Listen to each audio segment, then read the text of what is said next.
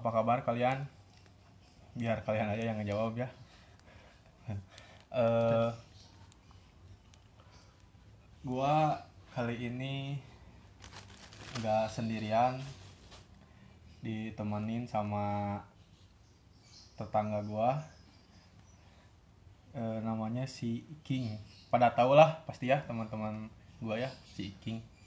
Walaupun udah pada tahu ya namanya bridging ya nanya we nanya pertanyaan formal basa-basi.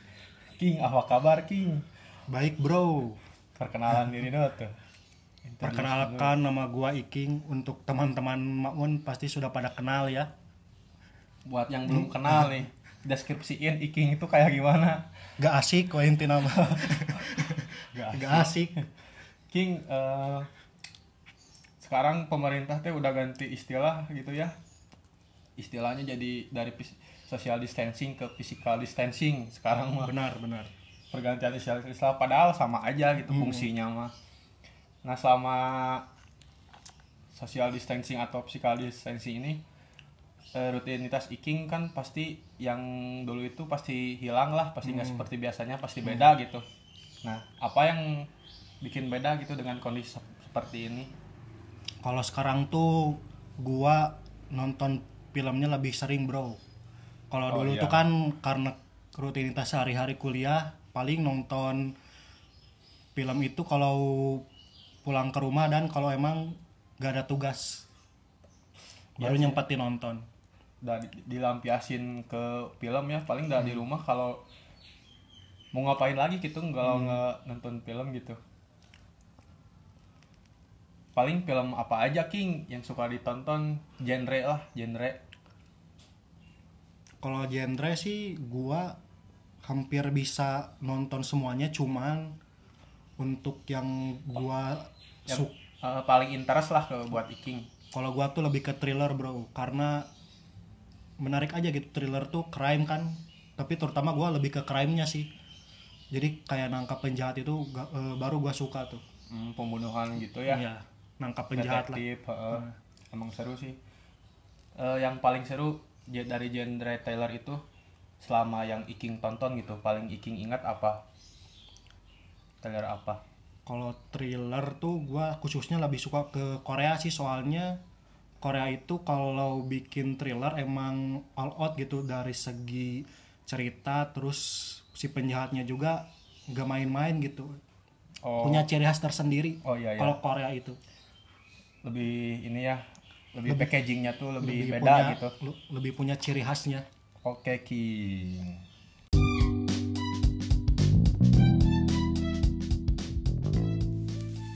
사랑을 했다. 우리가 만나 지우지 못할 추억이 됐다. 볼만한 멜로드라마 괜찮은 결말 그거면 됐다. 널 사랑했다. 우리가 만든 love scenario 이젠 조명이 꺼지고 마지막 페이지를 넘기면 조용히 막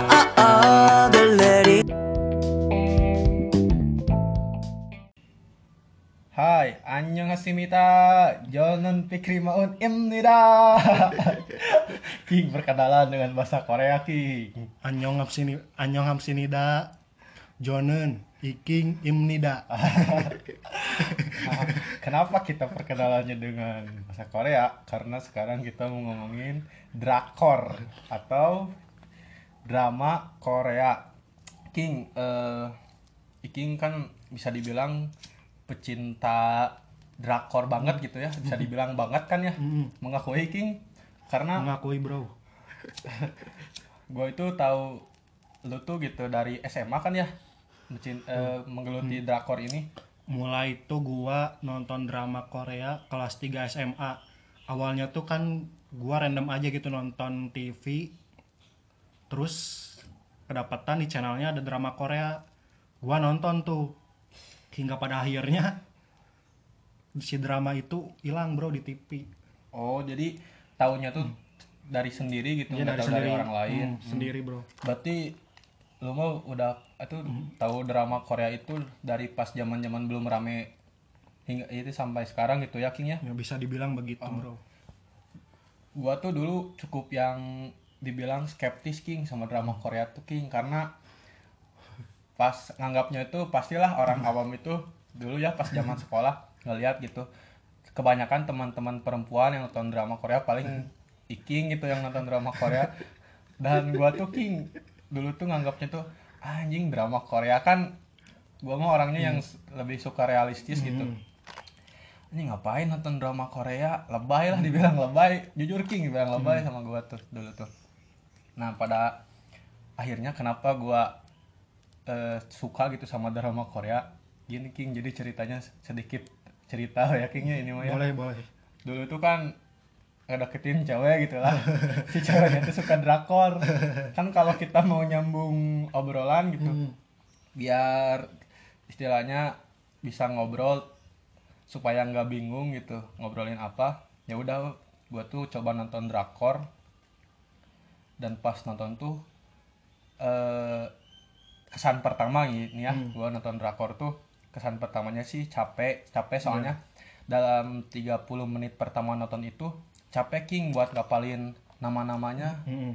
karena mukanya tuh hampir sama semua. Si cowok sama cowoknya apalagi? Anjing sama kata gue tuh. Sama gini jadi ya kesan pertama gitu. Terus ya namanya drama ya pasti transisinya sinetron banget lah gitu. Kayak yang orang jalan tuh berhenti eh, jalan tuh diselingi lagu beberapa menit gitu. Cuma jalan doang terus kalau mau ketrap ketabrak mobil gitu. Mhm. emang. Gitu kan kayak gitu transisinya sinetron, banget lah. Tapi eh, dikemasnya tuh berbeda si drama Korea ini tuh itu King. Yang bikin gua jadi suka. Jadi eh, gua sekarang mau nanya-nanya King aja deh ya. Boleh boleh. Pertanyaan STD lah. STD apa King? Tahu nggak standar oh standar standar standar King standar Oh, standar. eh King tuh kan eh, tahu eh bukan tahu sih suka sama drakor ini dari zaman SMA ya. Pertama SMA kelas 3 SM. Apa King pertama kali yang ditonton tuh? gua Judulnya masih apa? ingat tuh yang pertama kali gua tonton di TV itu judulnya The Hairs Hmm, The Hairs. Hmm. Itu hype juga sih ya drakor itu Emang ya. karena pemainnya juga bro top semua itu Siapa King yang idola Anda King siapa? Di The Waduh, Hairs, kalau- The Hairs. The Hairs. kalau di The Hairs itu gua suka si tokoh utamanya pemerannya tuh Park Shin Hye dia meranin Cha, Cha Eun Sang di drama The Hairs Oh, drama. kalian semua pasti sudah tahu karena itu emang drama tahun 2013 dan emang sempat hits pada masanya gitu bro Hmm. Dulu mah ada sih apa sih Meteor Garden itu mah drum chin ya, drama Cina. ya bro itu drama Cina terus kemarin sempat di remake juga ada Meteor Garden 2018 Korea sama Korea. Enggak. enggak ah, ada Korea juga kalau sama Korea tuh Boys Before Flower tahun 2004 Hmm. Kalau gua mah taunya yang di Cinanya King, yang si Tomingse. kalau Tom Hanks gua nggak nonton kalau yang remake-nya yang versi Cina gua nonton tuh tahun 2018 Tua banget sih kalau tahu Tomingse ini. Eh, sebenarnya istilah drakor ini tuh istilah dari orang Indonesia gitu ya. Indonesia. Indonesia ya. Indonesia bro Secara internasionalnya mah namanya tuh K-drama. K-drama ya K-drama, benar-benar Korea drama gitu. Dan dulu mah gua kan kalau lu SMA nonton drakor nih. Kalau gua mah dratai king. Lebih ke dratai. Drama Thailand. Sebenarnya drama Thailand juga bukan drama film-film Thailand juga kiblatnya tuh ke Korea sebetulnya yang gua baca itu. Dan banyak sih remakean remakean dari film Korea gitu ke film Thailand itu. Nah jadi King eh dengan kondisi kayak gini kan semua orang tuh jadi Korea pada waktunya gitu dari orang yang gak suka sama Korea terus karena ngelihat teman-temannya nonton drama Korea jadi tertarik juga gitu. Apalagi dengan dimudahkannya akses seperti Netflix ya yang membantu orang-orang yang lagi gabut gitu butuh referensi.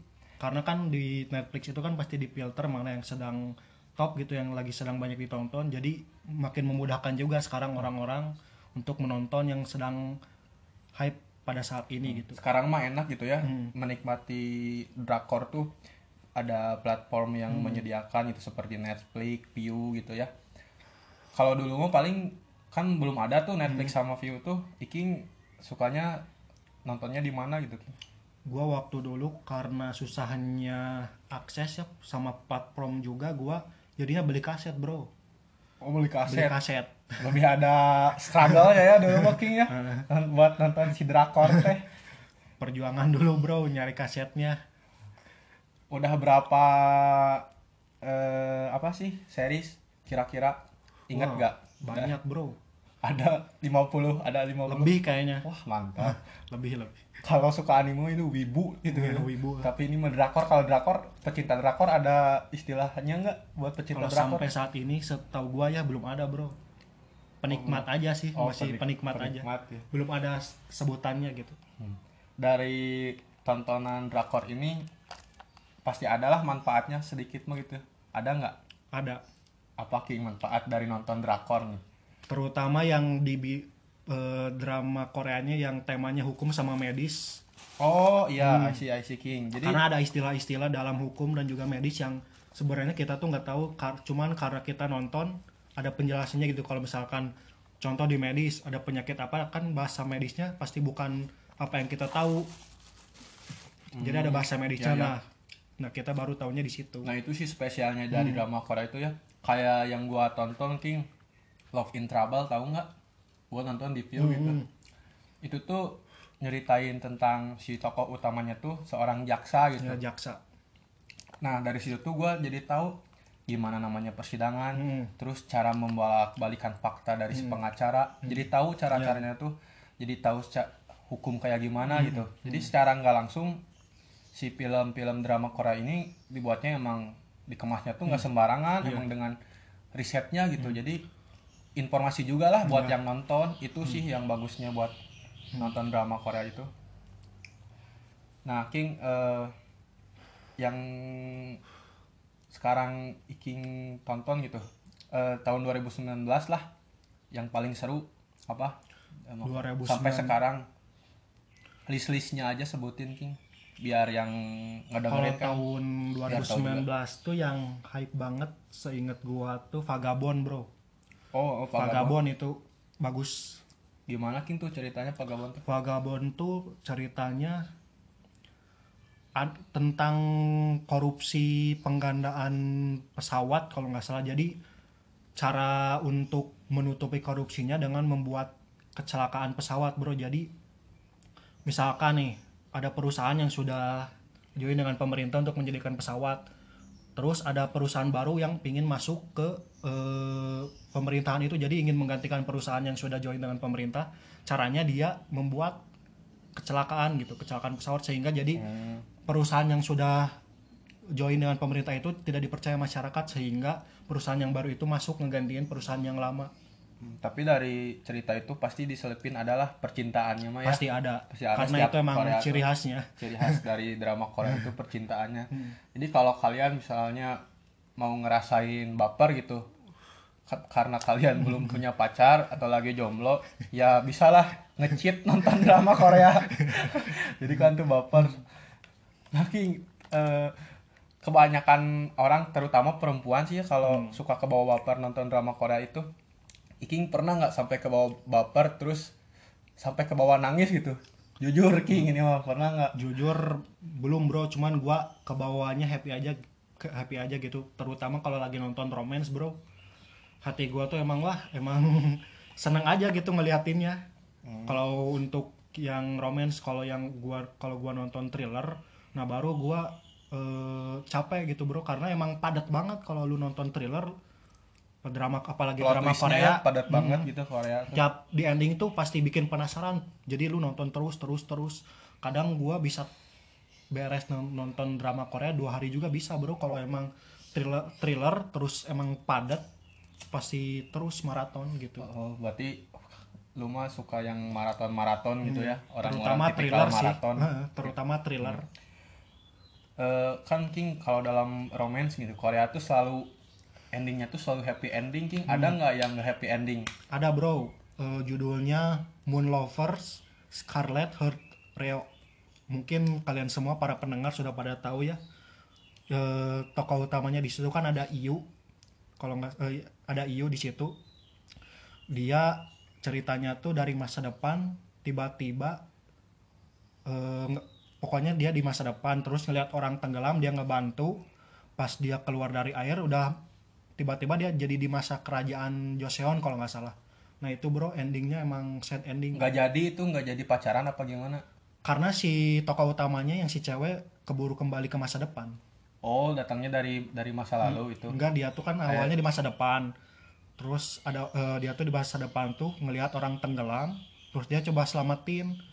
Pas dia keluar dari air malah dia lah keluar tuh udah di udah di era kerajaan gitu. Hmm, semacam reinkarnasi gitu King? Enggak cuma enggak. Dia tuh emang jadi ada di zaman kerajaan aja Oh, bukan dan- reinkarnasi. Oh, uh. dan kalau romance ini tuh eh drama Korea itu eh jatuh cintanya tuh pasti eh, sembunyi-sembunyi gitu ya oh iya iya si drama. Jadi si cowoknya tuh pura-pura nggak suka, Heeh. jual mahal, si ceweknya Ya, yang ya. ngejar atau dua-duanya nggak suka gitu. Seiring berjalannya waktu, nah ya, endingnya tuh selalu pacaran gitu, jadi pacaran. Nah, gitu. Terus bro, pasti kalau di drama Korea tuh kalau apalagi kalau romance pasti si si tokoh utamanya cowok sama ceweknya tuh pasti serumah terus bro.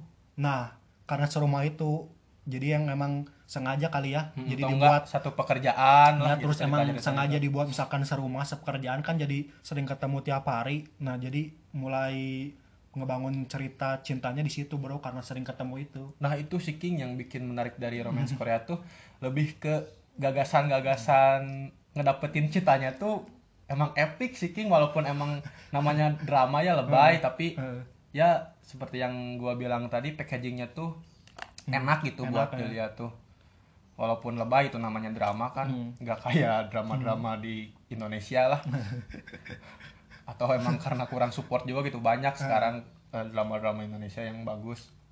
Dan artis-artisnya juga drama Korea itu pasti sih ada alasan orang yang nonton drama Korea tuh karena artisnya Ya, juga ya. gitu Iking itu nggak pernah nggak dalam satu film wah karena artisnya si ini gitu Hmm. pemerannya si ini gua tuh jadi pengen nonton series itu tuh pernah bro Eh, walaupun emang coba-coba kadang gua nemu drama yang karena artisnya gua suka gua coba nonton kadang dapatnya bagus kadang enggak gitu emang itu mah karena iseng aja gitu cuma karena pengen lihat si si pem, apa si pemainnya yang itu artisnya si itu jadi gua coba aja nonton gitu walaupun kadang rame yang gua tonton itu kadang enggak gitu.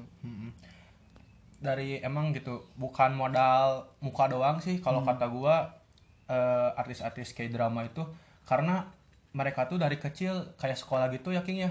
Kayak akademi gitu jadi dari kecil misalnya sekolah drama nah udah jadinya tuh ya jadi pemain kayak drama gitu kayak K-pop lagi lah dididik ya atau enggak ada yang emang dia basicnya idol. Nah eh, Hmm, dari idol, dari idol misalkan anggota boyband apa gitu pasti adalah yang dipanggil gitu. Nggak kayak di kita ya susah. Di kita mah nggak perlu kualitas yang penting mah sensasi dulu. Terus mukanya aja lah gitu.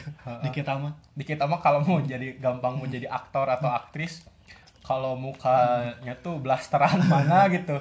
Terus sempat viral juga nah, gampang kita, tuh. gampang. main. Bikin TikTok aja terus sensasi bisa kepanggil film-film gitu. Aduh emang beda banget ya kualitasnya. Hmm. ya semoga aja nggak kayak gitu kualitas di kita.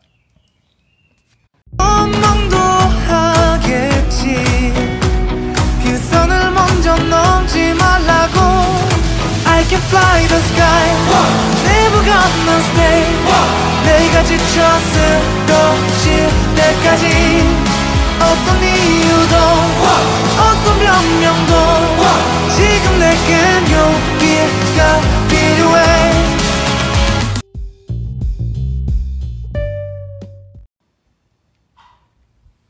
dari artis K-drama nih pasti Iking adalah satu yang Iking idolakan gitu siapa King Kalau gua sih sekarang bukan mengidolakan ya, lebih ke cuman excited aja gitu ke aktris itu. Hmm, Si Park Min Young yang meranin sekretari Kim. Nah, gua suka tuh dia. Terus ada Bae Su Ji. Nah, gua juga suka kalau di aktris gua sukanya dua dua aktris itu sih. Hmm. Nah si Pak Yung Min Pak Yung Min ya yang Park Min Young. oh Pak Min Young gitu. Nah gua tuh suka bingung King nama-nama orang Korea tuh. Suka dibalik-balik gitu. Nah si Pak Min Young itu yang pemeran sekretaris Kim itu sih kalau kata gua juga pasti sih cantiknya tuh cantik banget gitu. Emang. kayak kayak lu ngerasain makanan yang enak banget terus lu bilang anjing ini nggak nggak ngerti lagi rasanya gitu ya. Nah kayak gitu ya si Ah. Pak Min Young tuh cantik banget lah pokoknya dia tuh. Nah satu lagi siapa yang tadi disebut ini? Bae Suji dia tuh dulunya idol girl band apa ya? Lupa lagi gua. Miss E atau apa gitu. Lupa dari lagi idol itu. Pokoknya dia dari idol. Kalau Bae Suji industri perfilman Korea ini sebetulnya udah mendunia sih ya. Emang bro. kayak Parasite kemarin kan d- dapat Oscar tuh. Iya. kategori apa sih? Lupa Best lagi gua. Oh Best Picture tuh ngalahin film film itu ya apa? Hollywood gitu. Hollywood. Untuk pertama kalinya film Korea memenangkan Best Pictures di Oscar. Nah, makanya industri perfilman Korea tuh emang lagi buat dibangun banget lah Hmm. si Korea tuh. Sebetulnya banyak ya film Korea tuh nggak nggak melulu tentang seriesnya gitu. Kayak filmnya itu yang sutradara Parasite itu siapa? Sih? Bong Joon Ho Nah, si Bong Joon Ho itu dari film-filmnya yang kayak Memory of Murder gitu. Okja yang gua tonton, apalagi terus The Host. The Host. Hmm. itu tuh ram, rame banget sih kalau lu coba aja nonton gitu. Plot twistnya tuh benar-benar gitu. Bikin endingnya tuh nggak nyangka. Kan dengan kondisi kayak gini orang-orang pasti di rumah tuh ngelampiasinya nonton film atau series gitu. Apalagi sekarang orang-orang yang gak tahu yang belum nonton drakor karena banyak diperbincangkan di Twitter gitu pasti adalah tertariknya ke drakor gitu. Soalnya temen gua juga ada sempat nanyain ke gua drakor apa yang rame gitu karena tertarik dari obrolan Twitter itu. Apalagi drakor-drakor yang muncul di Netflix tuh pasti banyak perbincangannya kayak sekarang yang lagi hype diomongin tuh Itaewon Itaewon Class King. Yang gua Ya, udah ya. nonton sih itu. Selain itu ada lagi nggak King? Nah sebelum Itaewon Class itu ada drama Korea judulnya Crash Landing on You. Nah sebelum eh, selama masuk ongoing itu gue tuh emang sempat emang pengen nonton ini karena gue lihat ratingnya tiap episode tuh makin naik. Terus ditambah tayang di Netflix ya jadi ikut juga hits gitu hype drama Crash Landing on You ini.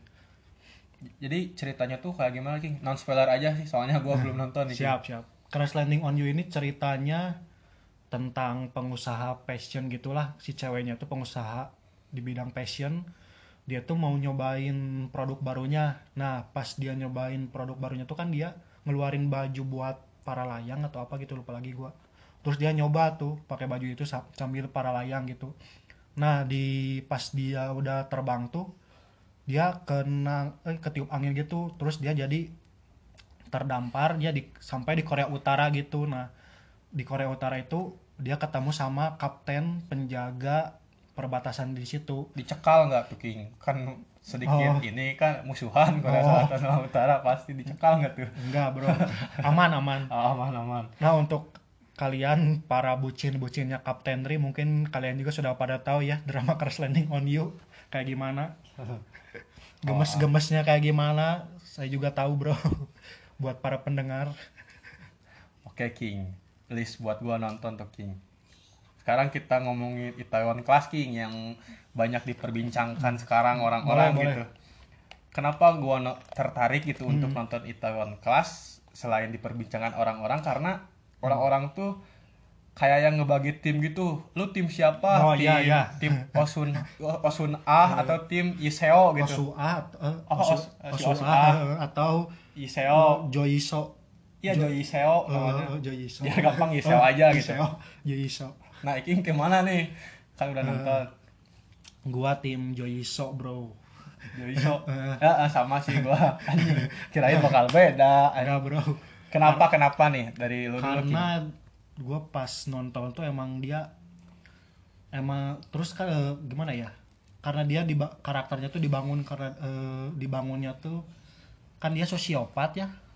Ya di Ah, cerita tuh. tuh. Yang bikin gua suka tuh dari sifatnya dia gitu. Eh, gak mau kalah gitu ya. Heeh, terus dari obrolan-obrolan yang apalagi pas di jembatan sama si Jang Guenso, Gang Juenso ya.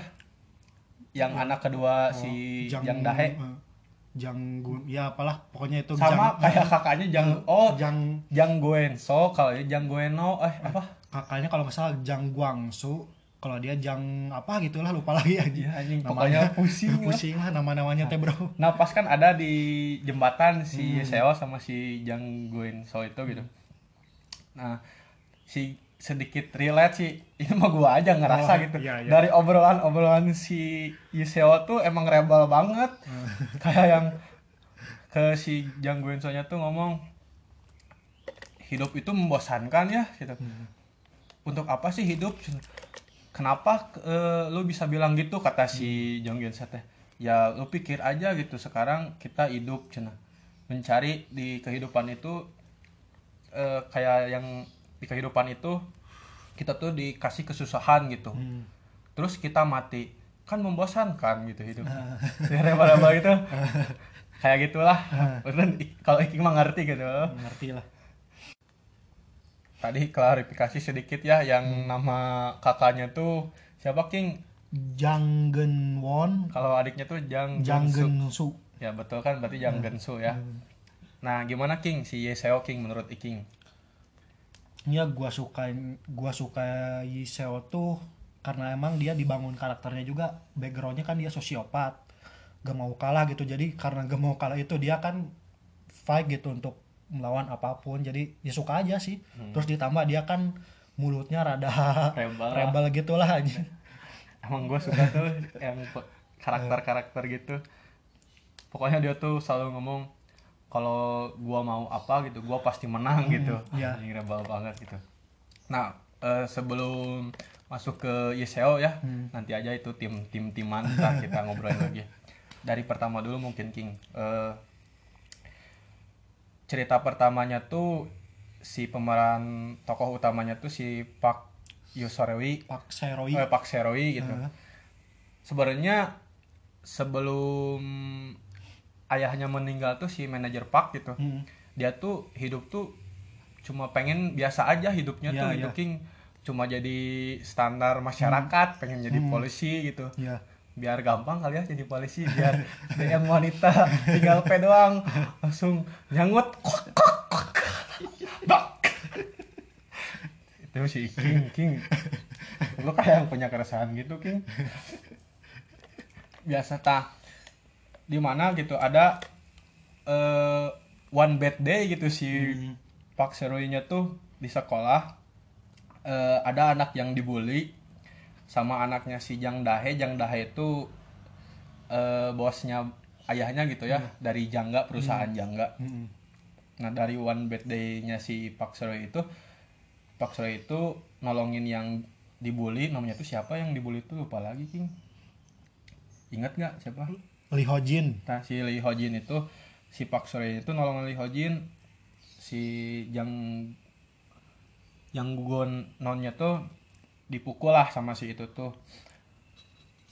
Nah, karena si anaknya tuh anaknya bos ayahnya si Pak Serwi, jadi si Pak Sore-nya tuh di dipanggil gitu. dipanggil gitu sama si Ayahnya juga. ayahnya juga gitu karena dia orang kaya punya privilege Hmm. kekuasaan jadi bisa ngatur semuanya ya. Nah pada satu kejadian juga ayahnya si Pak Surya itu manajer Pak ditabrak sama si Jang Gak sengaja ketabrak bro. Eh, eh, eh, nggak sengaja sengaja ketabrak gitu. Nah dari situ tuh si apa sih si Pak Surya tuh jadi dendam ya King. Hmm. dari situ dendam. si Pak Surya tuh eh, dipenjara kan karena Nah, dia kan datang ke rumah sakit nyerang si Genwon gitu. Eh, eh, yang seharusnya si Geng Won tuh dihukum gitu. Hmm.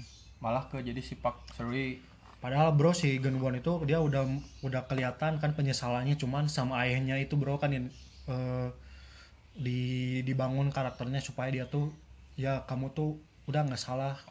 Memang sudah Pak Seroi sudah di penjara terus mau apa lagi? Terus kan si ayahnya si ayahnya juga kan dia cinta banget sama perusahaannya yang Ah. telah dia bangun Emang dengan susah dididik- payah emang si Jang Gunso tuh dididiknya sama si Jang Dahenya tuh untuk penerus Jangga aja King, Iya, ya tuh jadi heeh. anjing muka si Jang Dahe itu aura-auranya tuh muka aura pengen ditampol kalau kata King. lagi diam aja anjing, emang pas banget ya orang-orang jahatnya tuh gitu sih. Terus kan si Pak Seroi pas udah keluar dari penjara tuh kan dia ketemu Suah di Taiwan. Terus kan dia yang ngobrol Hal- Halloween itu ya ya ya Halloween. di Taiwan terus dia ngobrol. Terus kalau seingat gua ya ini Suah tuh nanya eh, tujuanmu sekarang apa? Terus Pak Seroi bilang dia ingin buka kedai. Terus kata Suah gak mungkin bisa membuka kedai dalam waktu sesingkat ini. Terus Pak Seroi bilang, "I- iya, eh, gua butuh waktu tujuh tahun. Nah di situ Suah sempat kaget juga ngedenger butuh waktu tujuh tahun kirain kan. dia bercanda kan ya Iya. Padahal- Hingga pada akhirnya eh, mereka berpisah setelah bertemu di Taiwan. Terus Pak Seroi kerja ya. Kalau di filmnya tuh dia kan eh, diceritainnya jadi kuli sama nelayan ya Ah, ah, ah.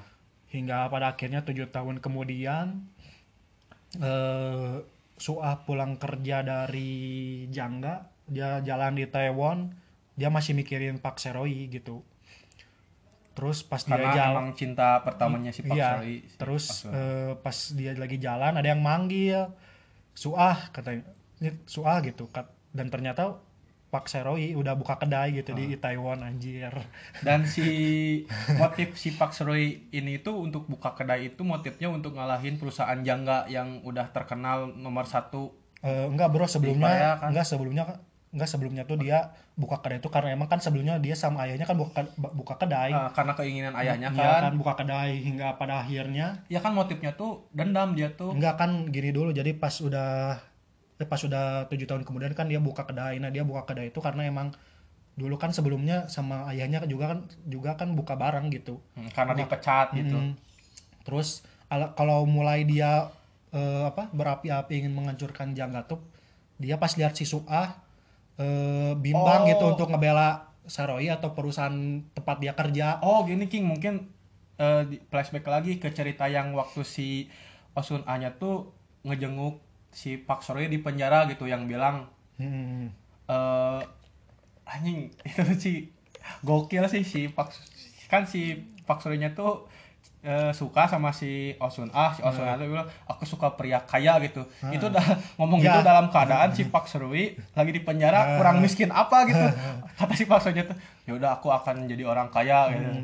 Terus kan dia tuh nangis gitu ngasih tahu ke si Pak Surya itu bahwa dia tuh nerima beasiswa dari si Jang Dahe Hmm, ya kan dari- itu yang ya, itu dari situ, Jangga. dari Jangga itu tapi si Pak Surinya tuh nerima aja gitu Iya. ya nggak apa-apa itu mah pilihan kamu supaya kamu hidup layak gitu Hmm.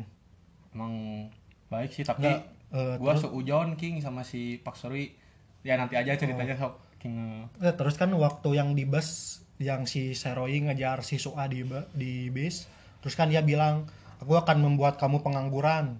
Eh dengan cara aku akan menghancurkan Jangga. Nah, mulai dari situ dia mulai benar-benar itu karena dia melihat Suah, dia bingung untuk memihak siapa gitu dalam posisinya tersebut. Nah, di situlah mulai dia mulai berniat eh, menghancurkan Jangga gitu. Terus ditambah lagi kan Jangga juga makin ke sini kan dia makin memboikot bisnisnya juga. Yang yang waktu gedung pertama kan sama Jangga dibeli sehingga pada akhirnya si Seroi dengan teman-temannya harus pindah ke gedung baru dengan cara membeli gedung yang baru itu. karena udah bilang gitu Hmm. udah lu tuh musuh gua gitu kata Hmm. si Pak Suri teh ke si Jang Dah itu makanya Hmm. jadi kalau secara bersaing sih enggak kalau kata mah. karena si perus eh, si kedai Pak Suri itu masih kecil Nah. gitu nggak mungkin lah bersaing dengan Cuman kan di film Jangga, itu juga dijelasin eh, si Jang Dahe tuh nggak tahu kenapa keganggu aja kalau pas tahu Sairoi buka kedai itu ditambah lagi. Karena dari omong-omongannya Eh, mungkin ngancam bisa dia kan. bisa jadi. Terus kan ditambah lagi ternyata si Sairoi itu punya saham di Jangga anjing iya yang tabungan Yang, eh, ayahnya tabungan itu. ayahnya itu secara itu. si terus si Presdir Jangnya juga kan langsung ketawa pas dia tahu si Sairoi punya saham di Jangga anjir. Tapi akhirnya kan diambil lagi soalnya buat beli gedung baru. Nah by the way yang belum tahu kedainya si Pak Suro itu namanya da, apa? Dan Bam. Danbam gitu. Dari Danbam itu muncullah si Ji Joiso Joiso Hmm. sama si apa? Jeng Gensu Mm-mm. adiknya si Jengguan oh Jengguan Su ya kalau nggak salah. Heeh, berawal dari kan dia lagi SMA Hmm. gak gak bisa tuh kalau misalnya masuk bar-bar gitulah untuk mabok gitu. Iya. Karena di identitas, dilihat Identitas. dulu. Nah si itu tuh kan karena masih posisinya masih sekolah si Joy Serwi eh apa si Joy Jo Serwi Joiso Joyso anjing susah banget ya. Si Joyso itu eh karena masih sekolah terus ada yang laporin. Hmm. dari sebut ceritanya tuh kan plot twistnya tuh si Osun Ah gitu. Si Suah yang ngelaporin. Kelihatan yang kelihatan Heeh. ngelaporinya nah gitu. dari situ gua seujon sama si Suah itu Ah, Ki. gua juga sama sih bro. Anjing jahat kata gua yang dulunya karena background si Suah itu anak yatim piatu yang diurus sama ayahnya si Pak Sorui gitu. Nah dari situ seujon anjing fuck you kata gua si apalagi ditambah ekspresinya Soal anjir. versinya dan ternyata plot twistnya itu temennya musuhnya di sekolah maksudnya musuhnya si Joiso eh, si Joiso yang ngelaporin. Nah, alasan si Joiso kerja di ah, Di dan Danbam. Danbam itu ya apalagi kalau bukan karena cinta ya ada tambah lagi dia eh, takjub aja sama prinsipnya Pak Seroi gitu. Eh, eh, gak nyangka aja gitu. Lulus sama prinsip idealisnya Eh. Seroi idealis tapi kalau dalam dunia nyata nggak ada sih. tidak mungkin Tidak dong ada yang mungkin. seperti itu Tidak mungkin karena sudah ditawari yang enak dia tetap idealis bertahan dengan prinsip hidupnya. Karena gue masih percaya ya King kalau sukses itu jangan jadi sendiri sendiri gue masih percaya itu sih King. bisa bisa ya, ya kayak gini lah misalnya lu lagi ngedeketin cewek PDKT gitu gak mungkin lah lu jadi diri sendiri maksudnya nggak jadi diri sendiri ya nggak mungkin lu yang biasanya lu ngobrol sama teman anjing-anjingan ya nggak mungkin lah. lu anjing-anjingan juga ngerti sama. bro ngerti. Eh, kayak gitulah. Terus apa lagi nih King? Yang diceritain dari Taiwan. Hmm, dari pegawainya mungkin. Ya dari terus eh, gua takjubnya sama Pak Seroi itu dia eh, melakukan bisnis tuh karena emang hubungan antar manusia bukan bukan karena uang doang sih. Jadi inti dia buka bisnis tuh kan karena ada orang lain juga makanya dia ingin mempertahankan tuh bro. Gua salut juga sih. Ada siapa aja sih si pegawainya tuh? Kalau yang si transgender tuh si Mahyun Yi Tah Mayun Hee sama Luma- si terus, terus yang Afrika si Tony. Si Tony Tony Kim. Terus siapa lagi ya? Ya Jong Genso sama si Reo. Si Sereo gitu. Nah. Terus si Choi Seung Choi Seung Won yang yang mantan teman di selnya, Mm-mm. sel Pak Seroi. nah eh, dari karakter-karakter tersebut tuh emang setiap episodenya tuh kuat banget gitu diceritain kuat sih. karakternya tuh dari setiap episodenya teh ya, Ki, ya misalnya dari si Ji Sereo gitu Hmm. dari awal kan emang dia latar belakangnya siswa SMA Yang terus sosiopat. eh, eh, selegra selebgram gitu Ah, selebgram. kayak isu-isu kayak sekarang aja gitu. Hmm. dia dengan cara memprom- mempromosikannya lewat akun media sosialnya dia yang di media sosialnya dia tuh dia tuh kesannya tuh baik padahal aslinya gitu kan. Rebel gitu. eh, kayak selebgram selebgram gitulah. Terus kalau si itu si J- temannya tuh siapa? Yang anaknya keduanya tuh? J- Jang Gensu. nah jangan Gensu itu eh, temannya si Jisereo Joiso. eh, eh Joyce apa? Bingung bangsat. Joiso. Joyso itu tuh anak si Jang Dahe anak keduanya anak gitu. kedua, anak tiri anak haram lah. Kalau di perusahaan. Mah. Mm-mm. nah kalau si temennya itu yang di selnya itu backgroundnya tuh dulunya tuh gangster. gangster dia tuh tukang pukul gitu. So, kalau si Ah Yumin Ahyumin ya? Ma Hyunyi eh Mah Mah Hyunyi Ma itu. Hyunyi yang juru masaknya dia transgender. Eh, eh, temannya waktu kerja di ya. di nelayan itu jadi nelayan si Pak Sore itu. Nah King pas episode episode pertama gitu ya yang gua pikirin itu tuh kecantikan si itu sih si eh, eh, si Osua sih dengan rambut bondolnya. Anjir kata kan sebelumnya si Osua itu di sekretaris Kim gitu. Biasa aja kan karena rambutnya bukan di, seker- di sekretaris Kim ada sekretaris Di bro. Love in Trouble kali. Enggak bro. Sekretaris Kim Osua tuh Love in enggak yang jadi Osu, asis enggak Osua tuh di Love in Trouble. Osua itu Konara bro. Ya Konara mah di Love in Trouble. Nggak ada di sekretaris nggak ada sekretaris Kim coba mana lagi. oh King King. Lupa gua King. Sorry sorry. Saya tahu gini dong sama pecinta drakor aja sorry King nah dari dari tim gitu ya dari kan kebanyakan milih tim mana King tim siapa? Joiso bro. Joiso Eh gua juga Joiso sih karena kenapa Joiso alasan gua karena si Joiso ini eh, nemenin si Pak Soroi dari dari awal King nggak kayak si Osun ah terus kan dia emang komitmen semenjak bertemu Seroi dia emang berkomitmen ingin ngebantu dia gitu melihat buat mencapai tujuannya iya, gitu, gitu. dari awal. Karena emang peran dia sangat prioritas banget lah buat dia sampai ikut-ikutan permasalahan Seroi dengan Jangga gitu anjir. Heeh. dia emang kan niat awalnya juga gitu ingin ngebantu Seroi gitu. Dan yang gak nyangka juga ki- kirain gua gitu si Osun Ah itu gak ada apa gak ngebantu si Pak Sorit dan ternyata waktu di episode berapa gitu 15 yang ngebocorin Oh, iya, yang iya. korupsi Iya, di iya. perusahaan Hmm, jangga hmm. Anjing, kan itu krusial banget namanya bro kuncinya kan di situ bro mat kalau su Suangga ngebocorin nggak akan gak akan hancur. perusahaan jangga gitu tapi gua kurang sukanya ke Suha tuh dia nggak bisa berkomitmen gitu untuk dirinya sendiri dia pingin ke mana ke mananya dia tur- eh, tur- eh, apa dia tuh labil gitu nggak bisa memihak salah satu lah gitu. Mungkin karena tekanan, Tekanan, dia dikasih beasiswa sama si presidir jangga terus Hmm. dia sebagai karyawan ya harus nurut gitu. iya. Ya kirain gua dia tuh nggak berbuat apa-apa untuk si Pak Sori dan ternyata pas ya episode 15 ya Iya. dia tuh anjir ngebuat krusial banget sih itu kalau nggak dia nggak ngebocorin karena korupsinya dia di perusahaan jangga yang nggak mungkin hancur gitu dari situ terus kalau krusialnya momen yang pas ngebantu si Jiseo itu ke Pak Sori itu waktu ngasih tahu ngerekam gitu bahwa si anak presidir Jang yang ke satu tuh siapa?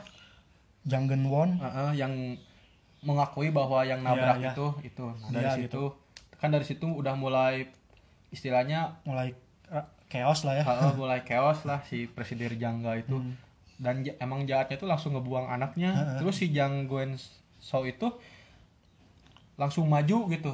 Langsung masuk ke Jangga Hmm. sebetulnya dia tuh nggak ingin nggak menginginkan perusahaan Jangga tapi ya kembali lagi karena bucin gitu ya karena Hmm, Terus cinta sama karena kata-kata Joiso anjir Oh. yang rebel gimana King kata-katanya King Eh, mungkin kalau tidak salah mungkin aku akan datang padamu kalau kamu sudah menjadi pemilik jangga eh, pemilik jangga nah. Eh, Nah dari situ si Jang Guenso tuh Eh, termotivasi gitu. Hmm. dan akhirnya jadi jahat juga.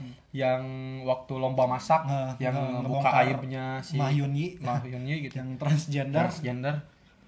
Gua kira itu tuh cewek king dari kan dia kepala Hmm. dapurnya gitu. Gua kira cewek pas si temen yang tukang pukul tuh siapa namanya tuh yang itu tuh si Choi Seung Won nah Choi Sun tuh ada eh, dialog yang ngajak mandi si itu. Oh, iya, gua iya. kosokin ah kan dia sama eh kan dia cowok gitu. Eh, nah pas datang ke klub ketahuan transgendernya yang dia rambut panjang langsung dan dia mengakui iya saya transgender. Kalau Ma Hyun-yi gua sih pas dramanya masih ongoing gua udah tahu dia perannya jadi laki-laki di situ. Cuman kalau bagian transgendernya gua baru Oh, tahu dia pas gua nonton. Pas lama ongoing kan ada berita-beritanya tuh. Gua tahu kalau dia tuh perannya di situ jadi cowok cuman pas gua nonton ternyata dia tuh transgender. Nah di situ gua baru tahu. Tapi King secara fisikal nih ya, kalau dibandingin Osun A sama Jiseo, gue lebih milih apa? Mah Yun Yi sih kalau dari fisikal karena apalagi pas rambutnya pendek warna hitam ya bro. Wow itu wow. Keren banget sih anjing. Emang, rambut pendek teh Ah. Yang maskulin maskulin gitu gitu. Kan karena si Jiseo juga sebelum jadi kaya bukan emang udah kaya sih sih.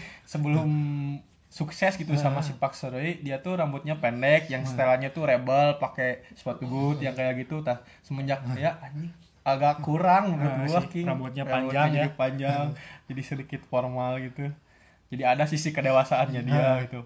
Waktu jadi mungkin karena kebutuhan karakter ya bro. Jadi Mm-mm. ya mau nggak mau sih gua juga sih sempat menyayangkan juga padahal udah bagus anjir rambut pendek gitu tuh kayak warna-warna poki coklat tuh kayak gitu tuh Ah. poki rasa coklat dan emang cocok buat dia rambut pendek pas rambut panjang menurut gua Hmm. enggak banget sih buat. Jiseo gitu nah King endingnya paling King Eh, menurut King endingnya gimana eh, bikin eh, oh endingnya tuh ah udah tau lah udah pasti gini atau bikin kecewa gimana kalau men- kalau menurut gua endingnya ya ya cocok-cocok aja sih nggak nggak nggak terlalu kontroversial lah. Emang mungkin perlu ditutupnya kayak gitu kali ya. Jadi emang ya udah gitu aja bikin endingnya nggak nggak terlalu wah sih. Iya sih biasa aja. Karena pas di mana momen si Pak Sore itu berubahnya tuh langsung gitu King yang kan awalnya tuh si Pak Sore itu prinsipnya tuh sama si Osun Ah gitu ya ya tiba-tiba nggak rapih aja gitu Hmm, langsung iya aja sih. dia langsung milih si terus bro Giselle. ada ada juga yang nggak konsisten dari Pak Seroi yaitu waktu dia ngumpul pertama kali minum kalau nggak salah sama teman-teman kedainya kan dia main yang main botol tuh yang Ah, diputar-putar yang terus kan nanya kapan cuman pertamamu terus Pak Seroi dia jawab belum pernah tapi pas dia nyium Joy So anjing Tapi kayak pro banget bro Oh, kelihatannya. nggak konsisten anjir. Terus yang ini King yang pas awal pertama ketemu yang di Itaewon sama si Osun. Ah kan pulangnya tuh digendong Oh, si iya, iya. Teh. Terus ditawarin sama si Onsu nya tuh Oh, iya. sini kamu nginep di Ah. apa sih di kosan aku lah gitu. Ah. terus dia tuh nolak aku belum kaya. Anjing muslim banget kata gua tuh. Tapi bro itu kalau kalau cerit kalau tulis eh, kalau ceritanya dibikin dia nginep di rumah Suah pasti dia bakal sama Suah tuh. Nggak akan sama Jojiso Iya. anjir. Mungkin muslim kali ya. Yang pelajaran yang bisa didapat dari Itaewon King. Apa King? Dari Hmm. King. Kalau gua sih lebih lihat itu sih pas Pak Seroy bilang bisnis tuh bukan sekadar ya mencari uang tapi hubungan antar manusia nah gua di situ salut sih. Hmm, setuju emang sih, soalnya setuju. kan dalam bisnis tuh melibatkan banyak orang terus terutama kan pegawai sendiri ya.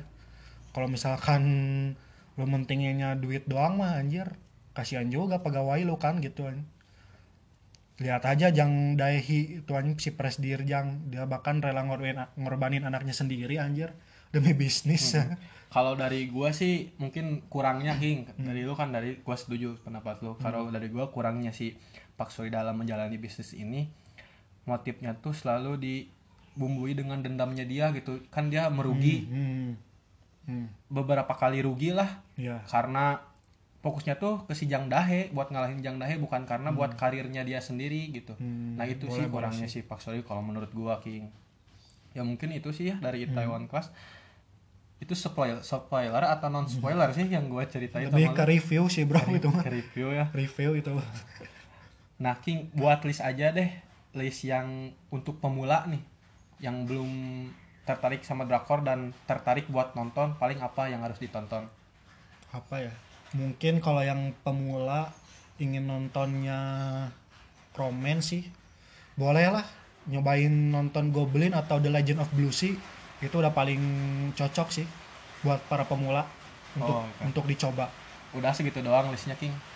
banyak sih cuman kan tergantung selera orang juga bro gua susah juga ngasih sarannya kalau misalkan Ya. seleranya beda Ya kalau romance lah dari romance. romance The Legend of Blue Sea Goblin apalagi ya The Beauty Inside boleh Itu untuk pemula ya. boleh The Beauty Inside Kalau dari Taylor, thriller thriller, thriller tuh Clash of Lies Poise 1 2 3 Signal tunnel banyak bro kalau thriller Oh, oke.